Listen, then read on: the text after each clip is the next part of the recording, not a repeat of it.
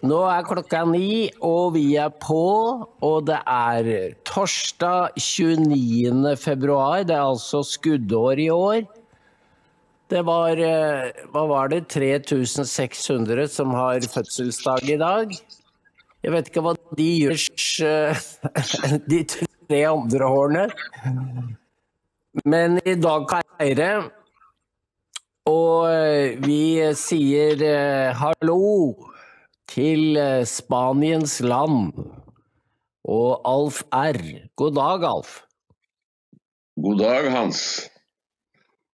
Her, Hvordan står det til nede i Nei, her er det bra. Det er uh, stabilt og kaldt vær. Det er jo uh, uh, ikke El Niño, men La Niña som dikterer været her nede, som har gjort det i vinter. Det er ikke så mange i Norge tror jeg, som følger med på det, men uh, du vet, Peru og andre land i Sør-Amerika har jo et rikt fiske av den lille sildefisken som heter anchovitas. Uh, ja. Men den, uh, når, det, når, når, når, La Niña setter inn, så, så forandrer strømforholdene og temperaturen og retningen på Humboldt-strømmen seg. Og, og silda trekker ut fra kysten.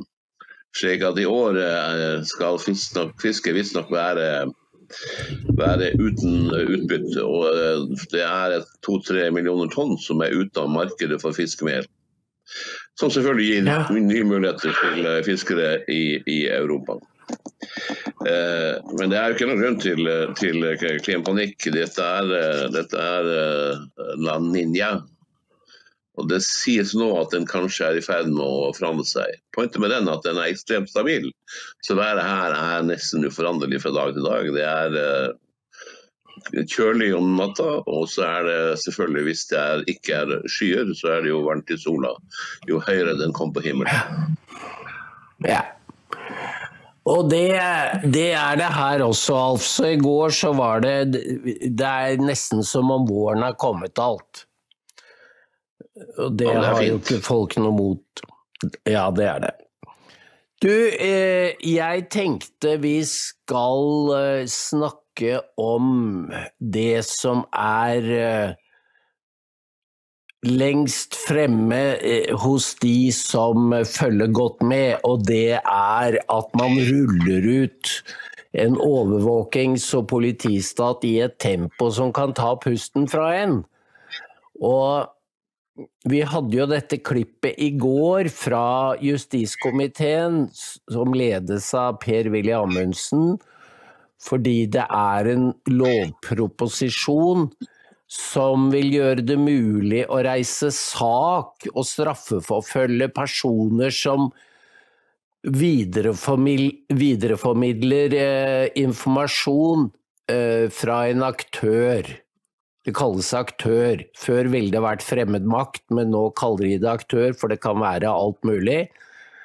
Det kan jo være en, en trollfabrikk i Russland, det kan være en, uten, altså en uh, organisasjon eller NGO. Og det interessante er at man innfører et objektivt straffansvar. Altså vedkommende som videreformidler informasjonen, trenger ikke forstå at det er det han gjør. Og da begynner du å bli veldig eh, sovjetisk.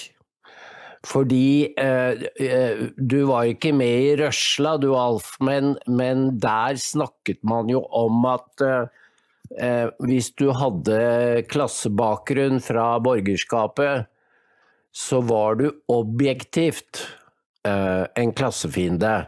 Spilte ingen rolle hva du, hva du, selv mente eller trodde. Og det var jo også bakgrunnen for at de kunne stille folk for retten og etter hvert skyte dem og sende dem i leire. Altså, du åpner en dør, fordi dette er jo et brudd på flere rettsprinsipper. Altså at du kan bli tiltalt for noe som du ikke har gjort med overlegg og ikke er klar over. Eh, så til og med jeg, Det var en fra mm, Vidar Strømme, tror jeg han het, Institutt for menneskerettigheter, som sa at dette betyr det at Nato-kritikk kan bli straffeforfulgt. Ja, det gjorde det. Og jeg skjønte at Venstre var veldig skeptisk.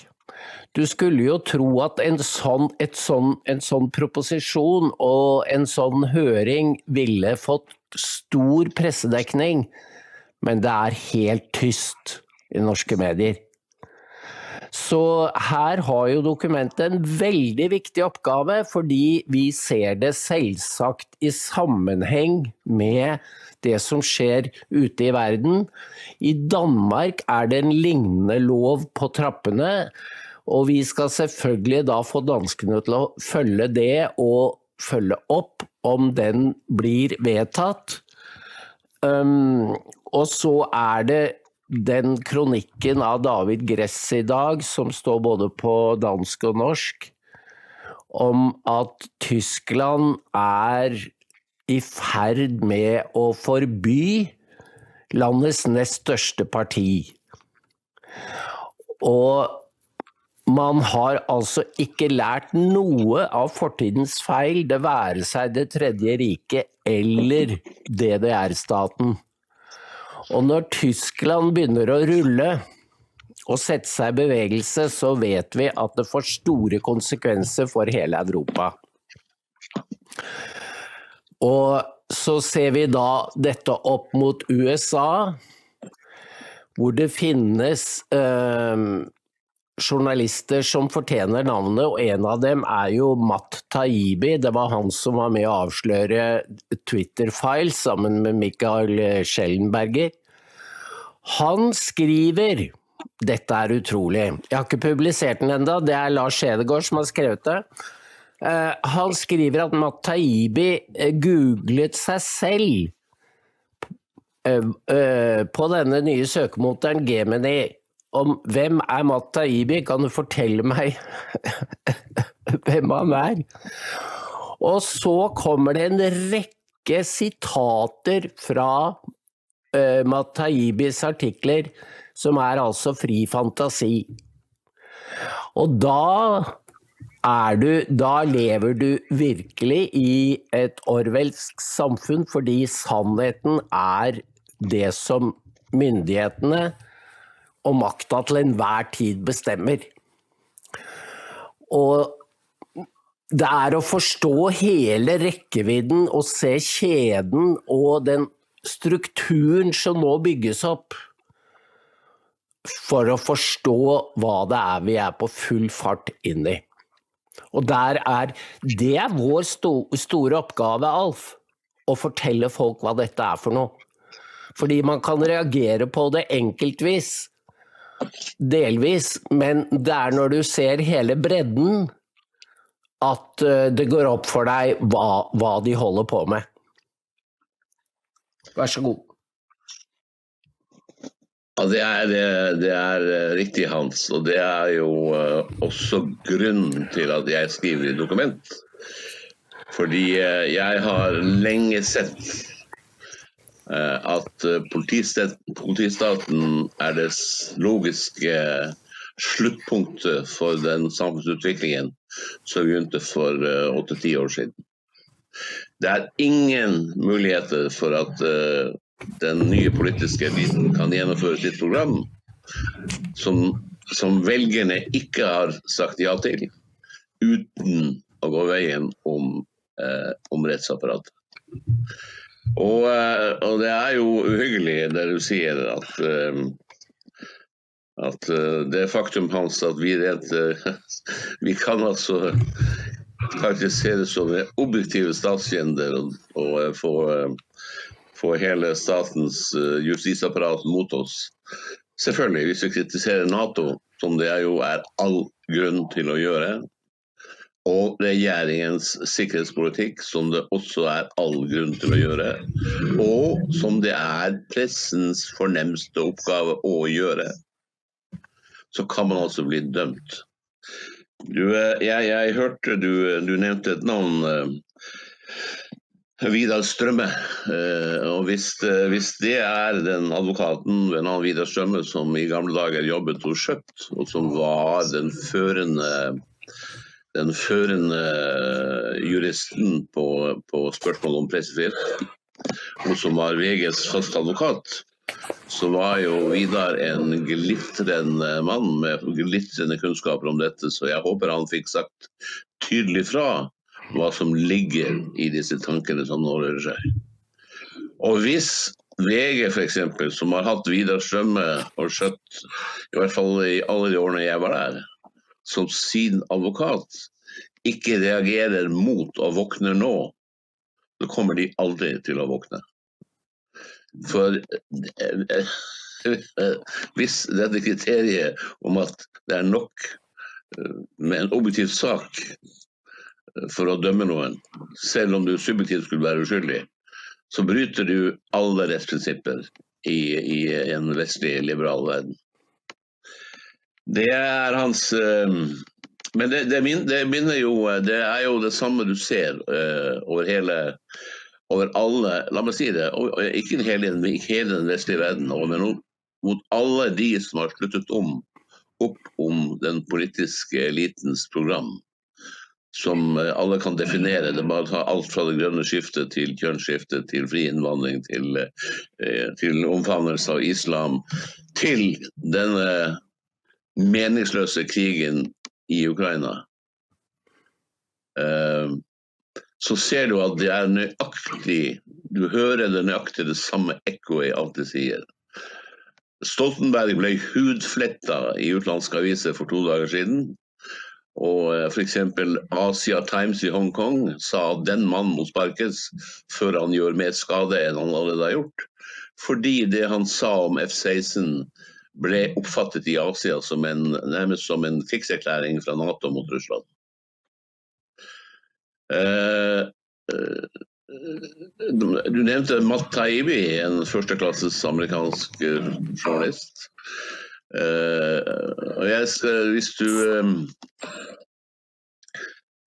Han har jo avslørt ved siden av det fornøyelige han fant ut da han brukte den søkemotoren, så, så, har han jo også skrevet en, en sterkt kritisk artikkel om en reportasje som sto i New York Times for tre dager siden, Eh, som var en såkalt inside-avsløring hvor New York Times, som jo er eh, talerør for makta par excellence nå i USA ved siden av noen andre. Eh, de hadde fått innsyn i CIAs virksomhet i Ukraina før og under krigen. Og Det som slo meg, eh, bortsett fra det at, eh, at de som skrev artikkelen eh, naturligvis ville vært Hadde vi skrevet den, så hadde vi sannsynligvis allerede vært satt i fengsel.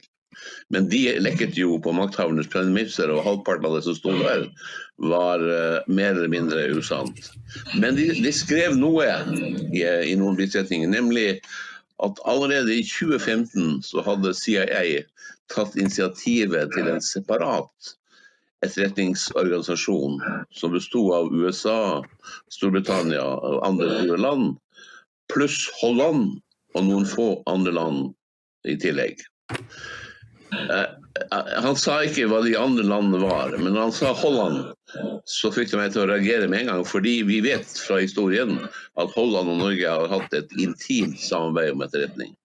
Så jeg tipper at Norge er blant de øvrige land som har vært med på dette, denne, denne E-tjenesten innenfor E-tjenesten som har arbeidet mot Russland fra ukrainsk jord. Og det altså, når jeg da, bare, kan jeg bare si fullføre resonnementet. Når jeg da leser forsvarssjef Kristoffersen som hevder at vi kommer til å vinne denne krigen, og som, eh, som, jeg må si har dummet seg ut for evig og alltid ved å vise en manglende evne til analyse og presisjon, som er helt uhørt for en forsvarssjef. Så slår det meg at kanskje Norge involverte seg i Ukraina så tidlig som i 2015. og Stoltenberg var sjef i Nato fra 2014. på en sånn måte at vi nå ikke unnslipper. Fordi alt dette hans er uttrykk for én ting. Det er desperasjon og panikk i Washington. Fordi Russland er i ferd med å vinne i Ukraina, og de er livredd følgende. Ikke for Ukraina, for de er, de, landet Ukraina er mer eller mindre ødelagt av sin egen regjering, av sine fatale feilgrep.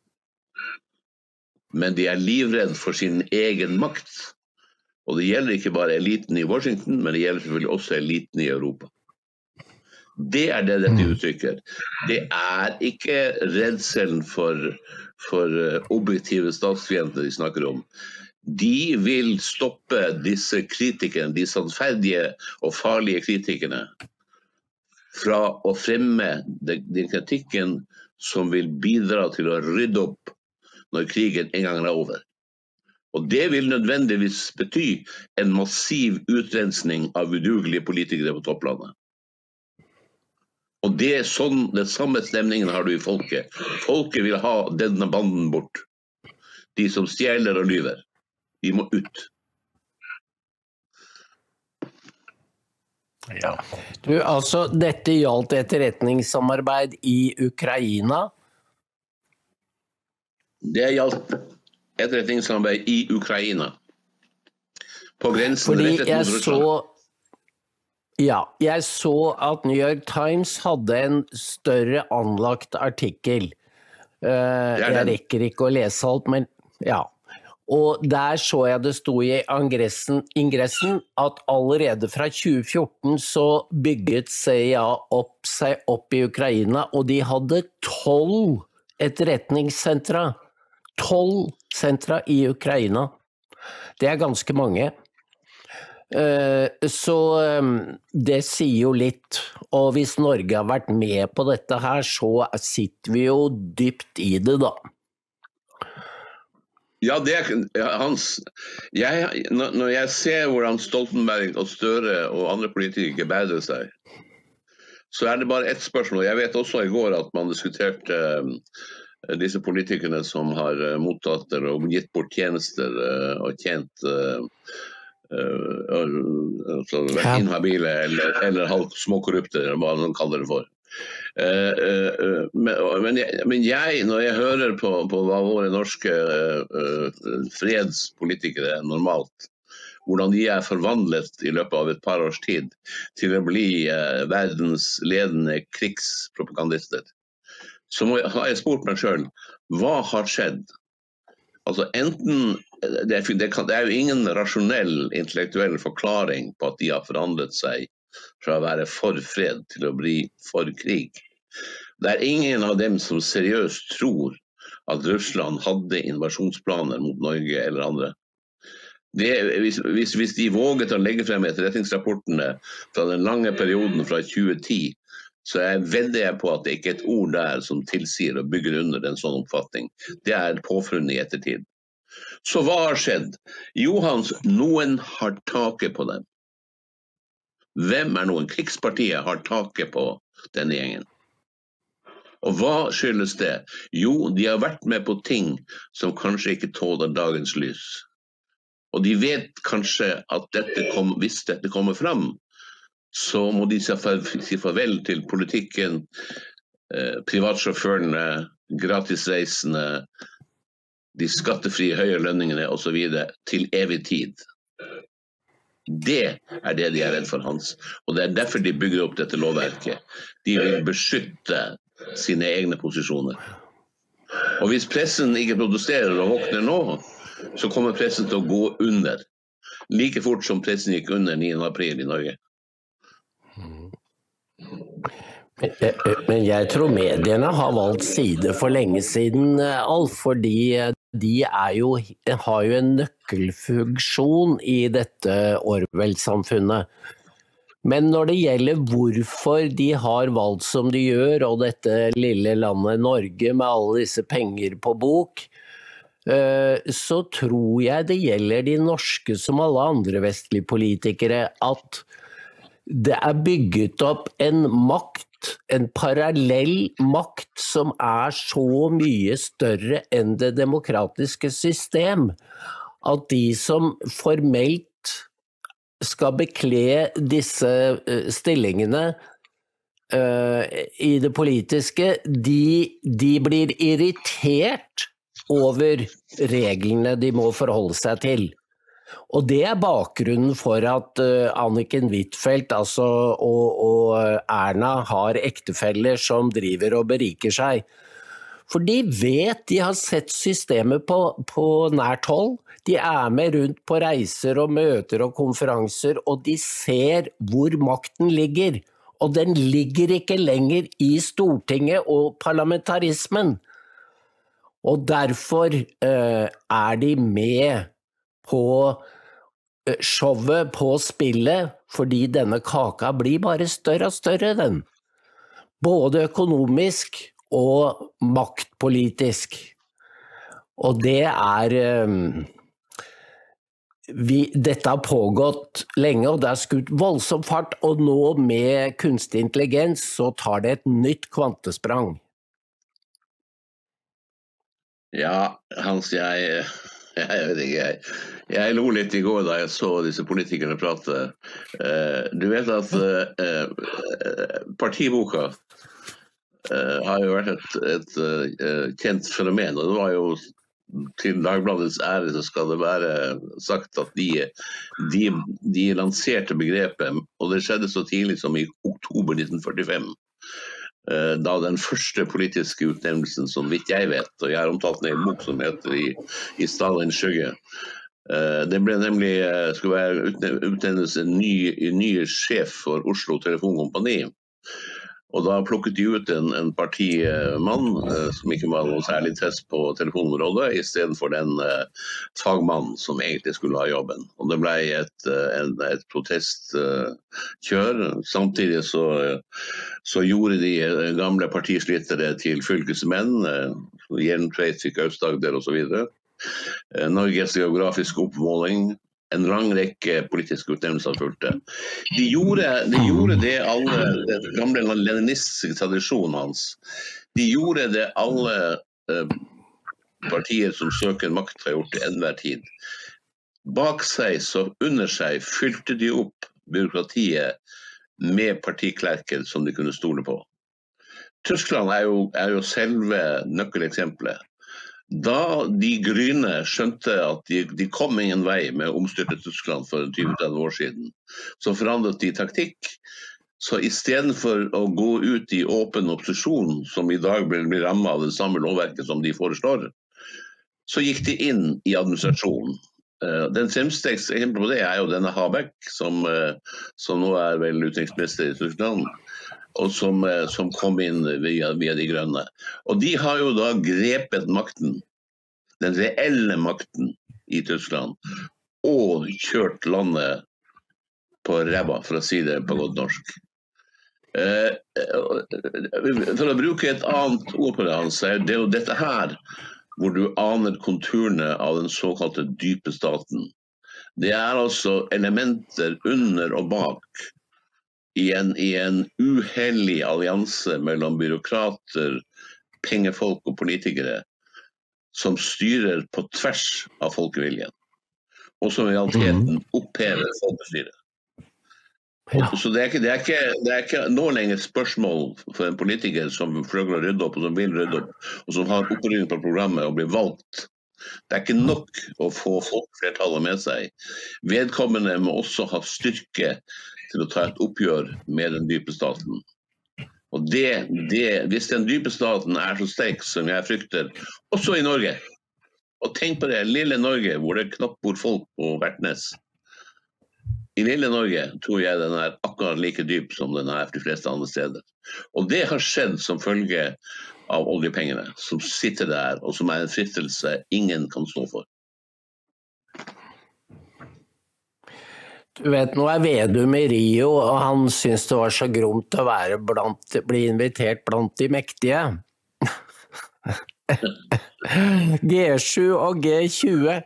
Men da, altså, hvis du gjødsler disse landene med oljebilliarder, og det er ingen som har gitt så mye penger til eh, bevaring av regnskog i Brasil som Norge, Og da ble det spurt rundt middagsbordet, men hvordan kontrollerer man, eller vet de at, at skogen, at pengene har gått til det? Og så er jo svaret det aner ingen. Det er ikke mulig å kontrollere, og nå skrev vi i går at det har aldri brent så mye skog i Amazonas som under Lula. Eh, men den røde løperen og eh, VIP-behandling, det får eh, Vedum. Og det kanskje Holder, kanskje? Det er dyre billetter.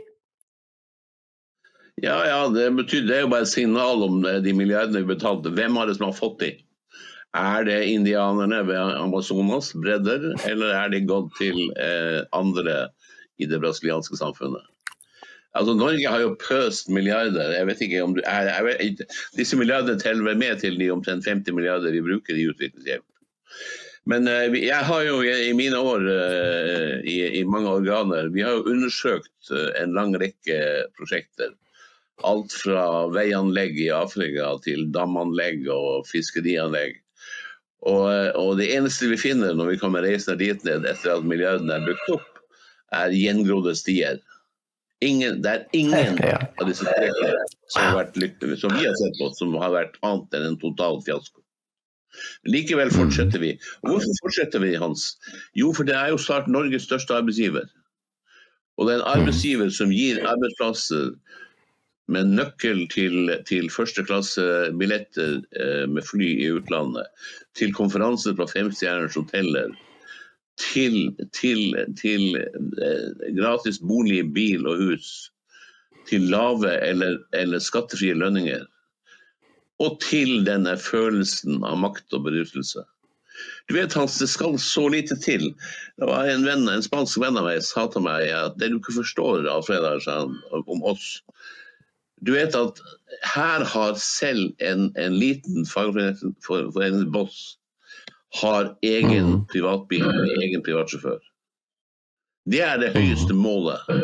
Få bil med privatsjåfør. Mm. Da er du én av de store. Du skjønner hvor lite som skal til for hvilket, hvilket svakt individ eller, eller svak skapning mennesket egentlig er. Hvis det er nok til å avgjøre om, om, hvordan du føler din stilling i samfunnet, istedenfor det du måtte oppnå på vegne av dine, dine medlemmer av foreningen. Sånn er det nok blitt i dag. Det er jo uh, gulrot og pisk, vet du, uh, Alf. Det er, uh, det er, ikke demokrati lenger, det er gulrot og pisk. Og jeg ser jo på Du har jo skrevet boken om NTB. Og jeg sitter og eh, Jeg kjenner jo For det står signaturer under de aller fleste artikler, så jeg vet jo hvem som Hva de holder på med. Og nå har jeg lagt merke til at de har begynt å bruke ChatGPT til å oversette. Det er jo ikke så overraskende, men det har noen politiske eh, implikasjoner. Fordi eh, venstresiden i USA og eh, corporate America, hele den kabalen som har tatt makta, de har da bygget en mytos rundt Trump som bare, består bare av løgn.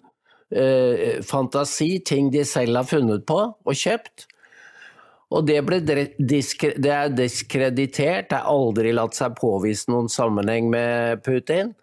Men nå gjentas disse løgnene hver gang Trump nevnes.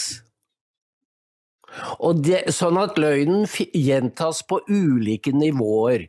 Nå er det jo da anlagt minst fire rettssaker. Og da er det eh, påstander eh, fra Biden-administrasjonen, for de har vært med å, å, arrangere disse rettssakene. Da kan du gjenta aktoratets påstander hver gang de rettssakene nevnes. Og da tror jo til folk, folk, til slutt at dette er eh, ekte vare, og at det er sant. De forstår ikke at de utsettes for en systematisk desinformasjonskampanje som strekker seg over flere år og bare blir mer og mer inntrengende. For nå gjennomsyrer den alt av nyheter og informasjon om verden. Ja, det er, så, ja, det er, det er, det er eh, Jeg skal ikke le, men det er eh, man, Ler man ikke, så må man gråte. Fordi det er jo det som er sorgen hans. At uh, den klareste og mest negative utviklingen i retning av et meget avansert sensur- og propagandasystem er det som nå innføres i de vestlige land der vi tradisjonelt har vært stolt av å kalle oss for demokratiet, dvs. Si land som har hatt folkestyre. Mens vi har nå fører krig i Russland mot et land som angivelig ikke har det, og som har sensur og propaganda. Altså Vi anklager andre for å drive med noe som vi sjøl gjør på langt mer avanserte måter. Det er trist. Det er trist for de politikere som, som hevder dette. Det er trist for de generalene som har tillatt at uh, en million mennesker er blitt drept og lemlesta, så de aldri mer vil få et normalt liv. Og det er trist, selvfølgelig, for folk som begynner å jobbe i pressen innen troen, at de skal være et bidrag til folkestyret som den fjerde statsmakt. Hmm. De, de kommer jo inn og blir gisler for systemet hvis de bøyer seg. Og, og du vet prisen hans i dag er hvis du, hvis, du, hvis du, ikke bøyer deg, så er du ute. Selv jeg, som har min karriere, og som har, har, som har holdt liv i, i, i, i, i forlagshus og laga smør på brødet til en rekke små og store sjefer rundt omkring i kulturlivet, har de sparka ut i mørket. Fordi jeg er for ytringsfrihet hans. Mm. Hva, hva, er det slags, er det slags uh, Hvordan kan de sove om natta, den gjengen her? Tror de at de lager et bedre samfunn? Ja, det de gjør Du vet, eh, i Stalins Sovjet så gjorde de var overbevist om at de gjorde det nødvendige for å skape et nytt samfunn. Og det samme ligger bak dagens ideologi, Alf. Eh, når NRK omtaler psykologen Benestad, Pirelli Benestad, eh, for han har anket at han har mista lisensen, som hen! Det er første gang jeg hører på Dagsnytt. De sier hen! Altså, de bøyer seg for en ideologi. Og det samme gjør jo Tony Blinken, for han vil avskaffe Det, en, det er en liten sak hos oss, men den er veldig viktig. Han vil avskaffe far og mor. Du skal ikke si far og mor. Du skal ikke si mannskap. Og sånn er det. Dette er en ideologisk Dette er ikke skjønnhet, dette er ikke hensynsfullhet det er en ideologisk hjernevask som alle kjøres gjennom denne kverna. Og da kommer det ut Du husker jo ordet robot, det er jo russisk. Vi blir roboter. Ja, Hans, jeg så Blinken i dag, og han, eh, han, advarte også alle talere mot å begynne en tale med 'mine damer og herrer', som er en, eh, ja. en, en høflig tiltaleform som er brukt i århundrer. Ladies and gentlemen. Det er, Hans, det er, ikke, eh, det er, det er jo et ideologisk uttrykk for en, en, en perfid logikk og tankegang som er sprunget ut av, av de dystreste kjellerne på amerikanske universiteter. Og som, har, og som har spredd seg som en præriebrann til hele verden. Og når de også får støtte av en mann som har en av USAs viktigste jobber, tillitsverv, så viser det hvor altomgripende og hvor viktig disse karene og kvinnene synes dette er. Men man må se bak det hans. Fordi det, det, det, er egentlig, når du skal avskaffe denne begrepsbruken, så er det punkt én et angrep på familien. Det er et angrep på familien hans, og hva følger i fortsettelsen? Jo, det er et angrep på den typen samfunn som vi trodde, og som er bygd på et kristent, liberalt verdigrunnlag og som i historien har vist seg Jeg sier ikke at det er feilfritt, Hans. Det skal gudene vite. Det er ikke feilfritt. Men det er et av de beste og mest hensynsfulle vi har hatt. Og hvis Mhm. ikke, hvis, ikke, hvis ikke de intellektuelle, altså de som skal tenke for, og som får betalt for å tenke, og kunstnerne, de som, er, de som får betalt for å skrive og fortelle om disse tingene, hvis ikke de gjør det, så er vi på vei inn i politistaten.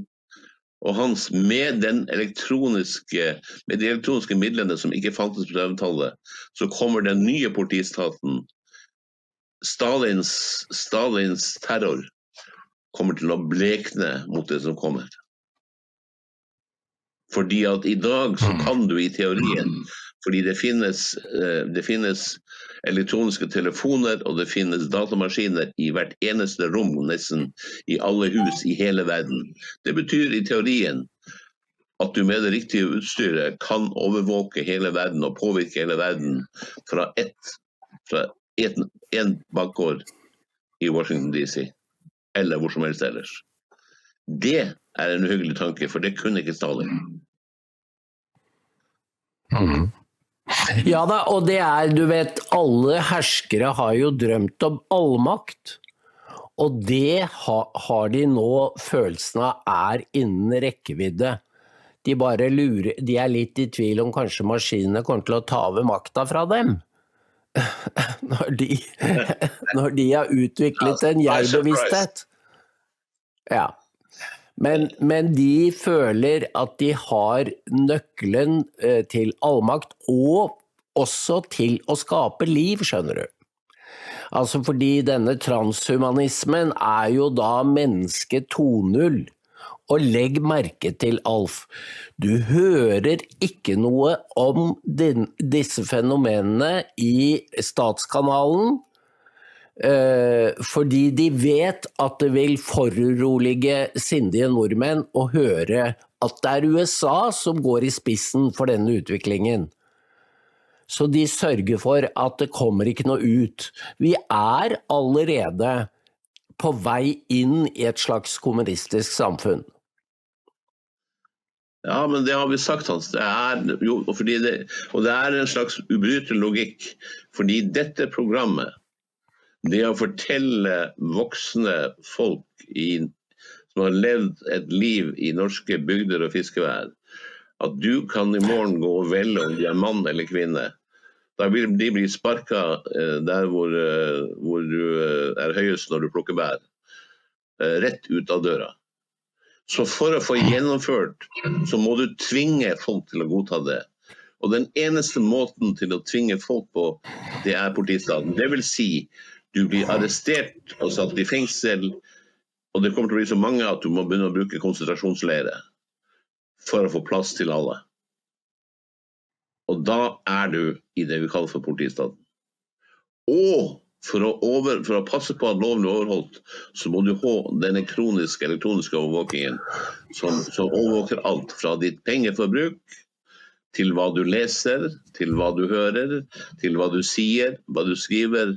Og gud vet, kanskje de klarer å finne ut hvordan de skal eh, ha oversikt over hva du tenker. Han ser jo ikke at dette er et nattsvart mareritt. Så hadde, hadde vi mennesker hatt fornuften, så hadde vi jo eh, tatt Google, Amazon, Snapchat og hva de heter alt sammen, brutt dem opp i mindre selskaper og sørget for at de kom under, under ansvarlig kontroll. For det finnes da vitterlig folk som oss, Hans. Vi som er de da objektivt sett statsfiender. Jeg har sagt til folk jeg har kjent i disse tjenestene i 100 år altså, jeg, jeg, jeg, synes at det er viktig at vi har et våkent forsvar. Det må jeg si, det syns jeg. Men når dere vil kalle meg, som er for Norge som nasjonalstat og for et sterkt at vi skal forsvare våre verdier, for en fiende, da har dere gått over en grense som jeg ikke kan tilgi. Det betyr bare at dere misforstår oppgaven. Du vet at en, en, et forsvar og en E-tjeneste har, ett formål hans det er å gi regjeringen et saklig, objektivt råd, sannferdig råd, basert på data som de innhenter. Slik at regjeringen skal treffe de tiltak som trygger borgernes sikkerhet og frihet. Det er det de skal gjøre. Selvfølgelig, Hvis de kaster bort halvparten av pengene på å overvåke såkalte statsfiender som ikke er statsfiender, så glemmer de den vesentligste oppgaven sin. Og det kommer til å skade oss og skade tilliten til Forsvaret i ti år fremover. Og Det er jo derfor de er så redd for å tape krigen i Ukraina, som de er i ferd med å gjøre nå. For de skjønner, når folk får vite sannheten om det som gikk forut for krigen, og kanskje Norge var med på eh, blant de som bemannet de tolv basene på grensen mot Russland, som New York Times omtalte for tre dager siden. Kanskje vi var med så vil dette skape rystelser som et jordskjelv i Vestre-Norge. Vi har da rotet oss bort, og følgene er, kan bli mye verre enn vi tror. Mm. Og det er, ikke, det er, ikke, politikerne som blir sendt til skyttergravene, vet du. Her skal du høre, dette kom i går på Jyllandsposten 0937 eh, som eh, push-varsel. Von der Leyen EU bør være forberedt på krig. EU vil fordoble produksjonen av ammunisjon og produsere mer enn to millioner artillerigranater i året. EU bør være forberedt på risikoen for krig. Krigen, eh, risikoen er ikke overhengende, men det er ikke umulig. Eh, de helgarderer. Og innen utgangen av 25 så skal de ha disse to millioner i året. Eh, det er jo svaret på det forestående nederlaget i Ukraina, Alf. Det er å ruste opp våpenindustrien i Vest-Europa og USA. Ja, men det er for seint, Hansen. Det er for seint. Fordi eh, Nato under Stoltenberg og, EU under Leyen har jo involvert seg nå i, i, eh, i snart ti år i forberedelsene og gjennomføringen. Og de, er, de kan aldri vri seg unna ansvaret for det som førte til denne krigen. Og de kan heller ikke lyve seg fra hva det egentlige målet var. Det er, for, det er, for, mange som har snakket, og det finnes for mange dokumenter og vitner som vet hva som foregikk. Så det kommer en oppvask. Og hun von Leyen, som jo elsker å fly privatfly, er en av dem som kommer til å ryke ut, og du kommer aldri mer til å høre om henne i politikken. Og Jeg tror også det gjelder Stoltenberg og Støre. De forsvinner nå ut fra Europas politiske liv. De har vist seg å den moralske fiber som trenges i den type stillinger. Så det er denne, Du ser propagandamaskinen hans.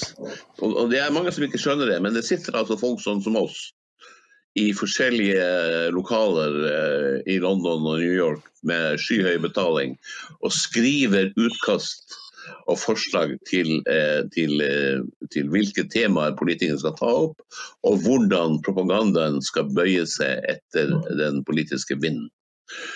Først gikk jo dette her den veien, og da var jo Ukraina i ferd med å vinne.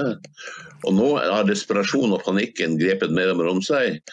Og du ser at det samme budskapet nå, har, nå eh, blir fremsatt av stadig flere. Nemlig at krigen kommer om noen få år. Og det er, det er alt sammen et forsøk, et forsøk på at de som iverksatte den første krigen, og være med og støtte den og gjennomføre den, at de skal være i de samme som fører neste krig. Men Hans, det er jo det folket må sørge for ikke skjer. Valgene må jo snart få et alternativ som bygger på fred. Ja, og det... Vi har ikke så mange sjanser. I USA så sier man jo at valget 15.11 er liksom et skjebnevalg. Og nå får vi se ved EU-valget til sommeren. Jeg har ikke så store forhåpninger, fordi vi Europa er mye mer splittet enn eh, en USA. Men eh, se på han eh, som skal overta for Stoltenberg. Han er jo enda sleipere enn Stoltenberg. Mark Rutte. Han er jo en ål, og nederlenderne tåler ikke trynet på han. Eh, så eh, det passer jo bra. Nei, du, jeg tror at de, de istedenfor å ta ansvar, så tenker de at we are on to the next thing. Altså, de går videre til et nytt nivå, og det nye nivået er opp med våpenproduksjon, vær forberedt på krig om to-tre år. Og du vet, da kan du gjøre veldig mye med befolkningen, Alf. Hvis de både skal gjennom et grønt skifte og forberede seg på krig. Ja, men hvordan, hvordan, får du det til å henge sammen? Hvordan skal du gjennomføre det grønne skiftet og samtidig, eh, samtidig eh, altså bygge ut våpenindustrien? For altså Er det én ting som er sikkert, er at våpen ikke drives av vind og solkraft. Det fins ikke et slagskip eller et engasjement eller et fly eller en tank eller en stridsvogn som ruller på solkraft. Mm. Det betyr at du må reversere det grønne skiftet i Forsvaret og tillate industrien. Og ikke bare det, Hans, men alt det som går, det som var det Gå tilbake til annen verdenskrig. Hva var det som gjorde at Hitler måtte ha levensran? Det var, jo, det var jo et enkelt faktum som mange historikere overser. Det var at Tyskland Mange tror jo at Tyskland var rikt og Japan hadde masse råvarer. Men det har de ikke. Japan har jo nesten ikke noen, og vi må importere alt. Tyskland hadde bare én ting, de hadde kull.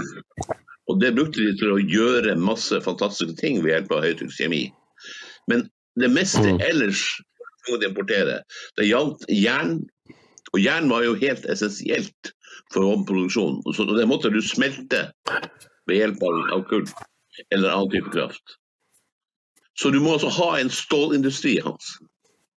Og så må du ha alle de tilsetningsmetallene som gjør at stålet tåler den intense varmen som finnes i moderne våpen. Du må ha nikkel, mm. du må ha krum, du må ha mangan, du må ha alle disse andre metallene og mineralene som skal til.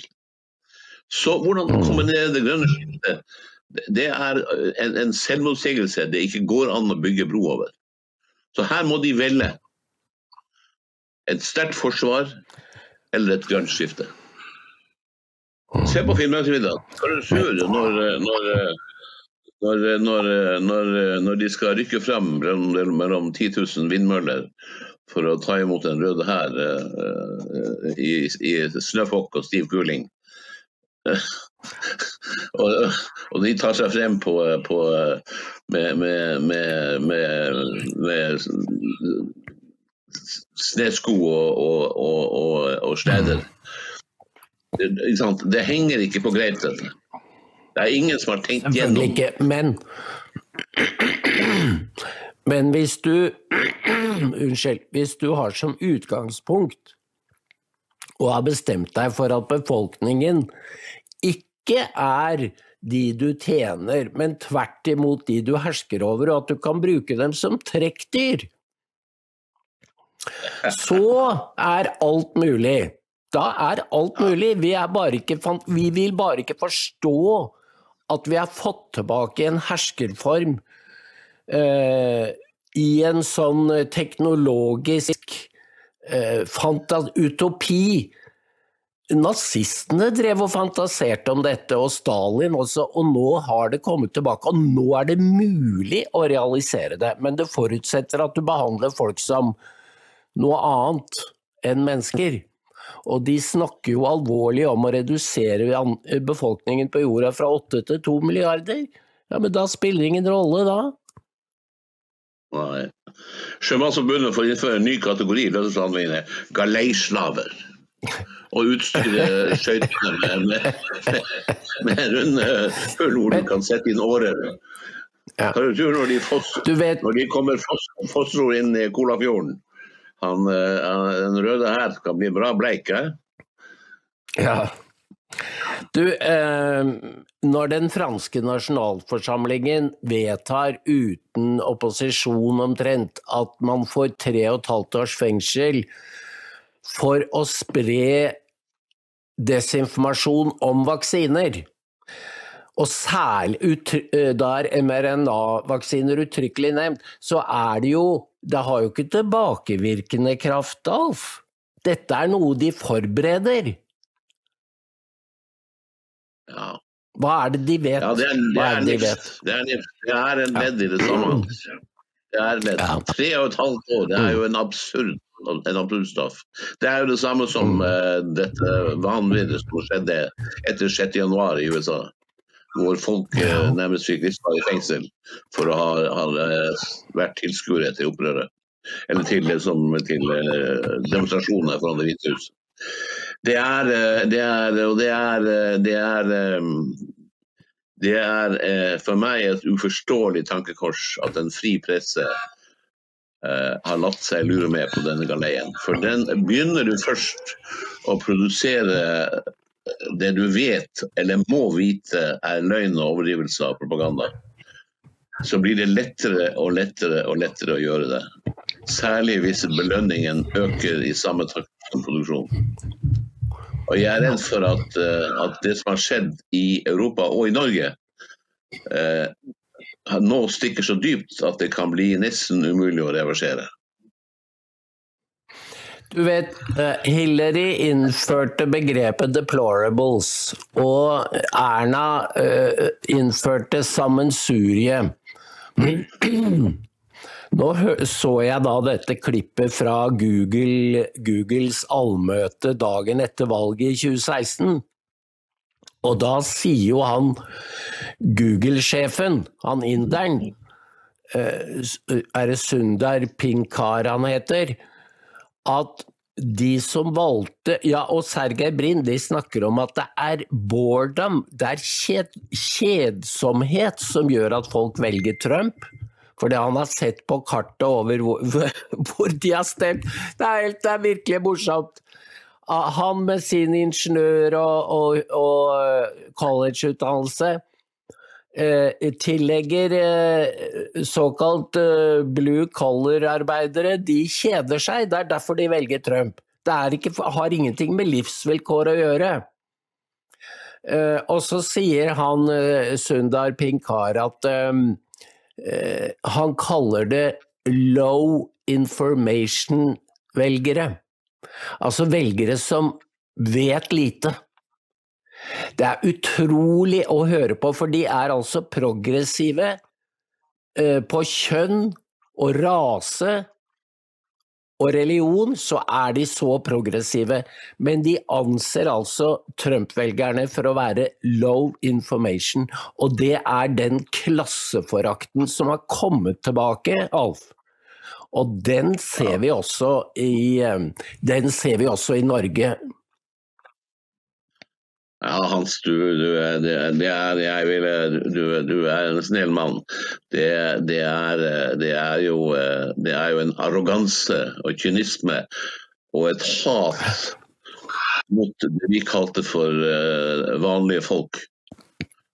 Eh, Og det, det, folk er jo ikke vanlige i det hele tatt, men det er folk som jobber og lever hederlig for å, for å eh, få utkommet til seg sjøl og familien eh, og se ned på de. Og Det er klart at det er jo helt åpenbart at de som skal gjennomføre denne politistaten som de er med på å bygge, for, for at de skal kunne sove om natta, så må de ha den grunnleggende forakten for oss andre.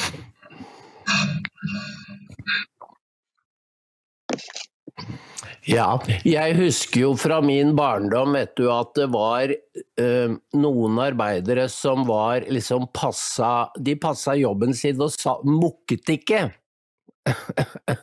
Fordi hvis du, hvis du var aktiv og politisk og, og lagde oppstyr, så var det jo en forstyrrelse. Eh, og nå ønsker de å lage den type konforme mennesker igjen som ikke mukker. Ja, det er riktig. Og den maskinen er det, er, er det godt i gang med å bygge.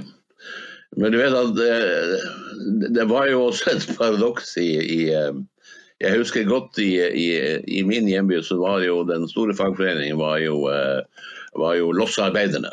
Fordi de lossa fiskebåtene. ikke sant? Og, og da, da, vi endelig fikk en stor, moderne bedrift med 1100 ansatte, og folk tjente gode penger og hadde fast arbeidstid osv., så, videre, så så sa da kommunistpartiet i en meget uh, sentral uttalelse. At de, de, var, de var fortsatt mot storkapitalen, men de var for storbedriftene. Så du kan, du kan jo leve med, med politisk, ja. politisk takkekors også. Ja. Men ikke med dette, Hans, fordi dette er mye verre. Dette er, mm. dette er psykisk terror.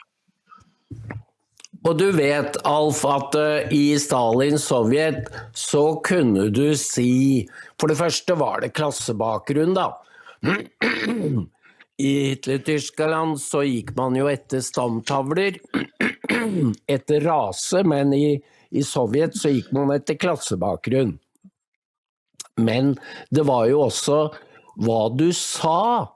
Og dette gjelder jo nå det begynte med metoo. At du sa eller hadde gjort en bevegelse, det var jo nok å klappe noen på rumpa. Men nå er det jo blitt et mye større register av ting du kan komme i heisen for. Sa du virkelig det om Jeg har hørt at du sa det om ramadan eller pro-Israel. Altså, nå kan du virkelig lage skueprosesser mot folk på bare rykter. Og det er altså Da er du Da utløser du det massehysteriet som Mathias Desmet skriver om i den boka si, som vi har utgitt de, alle disse betingelsene er nå til stede for å skape et totalitært samfunn fordi det er basert på befolkningens oppslutning. Det er hans store tanke at et autoritært samfunn, der er de blir hersker over befolkningen. Men i et totalitært så hyller befolkningen ledelsen. Og det er det de prøver å gjøre nå. Sånn at du skal anmelde kollegaen eller naboen for å ha sagt noe stygt om ramadan, eller noe positivt om Israel. Ja, jeg ser jo i avisene disse, denne feiringen av ramadan som de nå legger til opp til Oslo. ikke sant? Og det er bare et nytt ledd hans i avkristningen og angrepet på våre vestlige, på våre kristne liberale verdier. Men Hans, det, det, eh, hvis, uansett hva, hva, man leser om uh, det totalitære, som i dag er ekstremt viktig å sette seg inn i, så til syvende og sist så bygger det på, på, uh, på, på to ting. Og det er terror og vold. Det finnes ingen andre måter å holde en politistat gående det er terror og vold som holdt Hitler ved makten, og som holdt Stalin ved makten. Og Det eneste som kan stoppe de, er at folk organiserer seg i tide og stemmer ut og stemmer ned de tendensene som du nå ser blir mer og mer tydelige. Mm. Ja, det siste er jeg jo absolutt enig i. Men eh, altså, fronten brøt ikke sammen i Tyskland, og eh, Stalin eh, døde på sotteseng. Så det systemet disse folka skapte, det varte helt til de stupte. Og det er en ganske bitter eh, lærdom å ta inn over seg. Ja, men vi er enige om Alf, at kristendommen er noe begge disse systemene frykter. Fordi den har altså en helt annen sannhet enn det de, disse herskerne vil at vi skal lyde. Det er eh, Det er eh, Det er helt sikkert eh, Det ligger det, Jeg kommer fra en, en, en lavkirkelig pietistisk tradisjon, må jeg si. Den vestre indremisjonen. Og, og, det, det, og det som, som, vi syntes i 50-åra, vi som vokste opp da, var eh, at eh, med alle dens eh, regler og forbud, så, så hendte det at man glemte perspektivet på det som egentlig er budskapet i kristendommen. Det ble altså for mange et fengsel. Mens det egentlige budskapet i kristendommen, det er nåden og tilgivelsen. Det er det som er budskapet. Nestekjærlighet. Og det fins ikke noe bedre å bygge samfunn på enn akkurat det. Men det har ingen men- plass i en politistat. Det har de ikke. Og de frykter, de frykter eh, De frykter lyset og det milde blikk. Du eh, Alf, takk for eh, en interessant samtale. Takk i Og jeg håper Ja. Da sier vi takk for i dag. Ha en god dag. Totalitarismens psykologi av Mathias Desmet.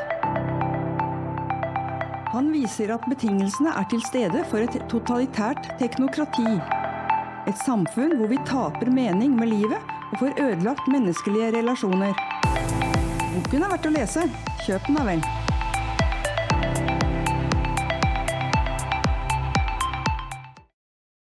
Hei! Vi i Dokument er glade for at du leser oss hver dag. Lytter til Dokumentradio. og ser på Dokk TV. Redaksjonen produserer døgnet rundt. Og trenger både abonnement og donasjoner. Dokument er unikt i Norge. Vi er det eneste virkelig konservative mediehuset. Støtt oss på VIPS nummer 638941. Det Kent sa. Vips nummer 63 89 41. 63 89 41. eller bli abonnent.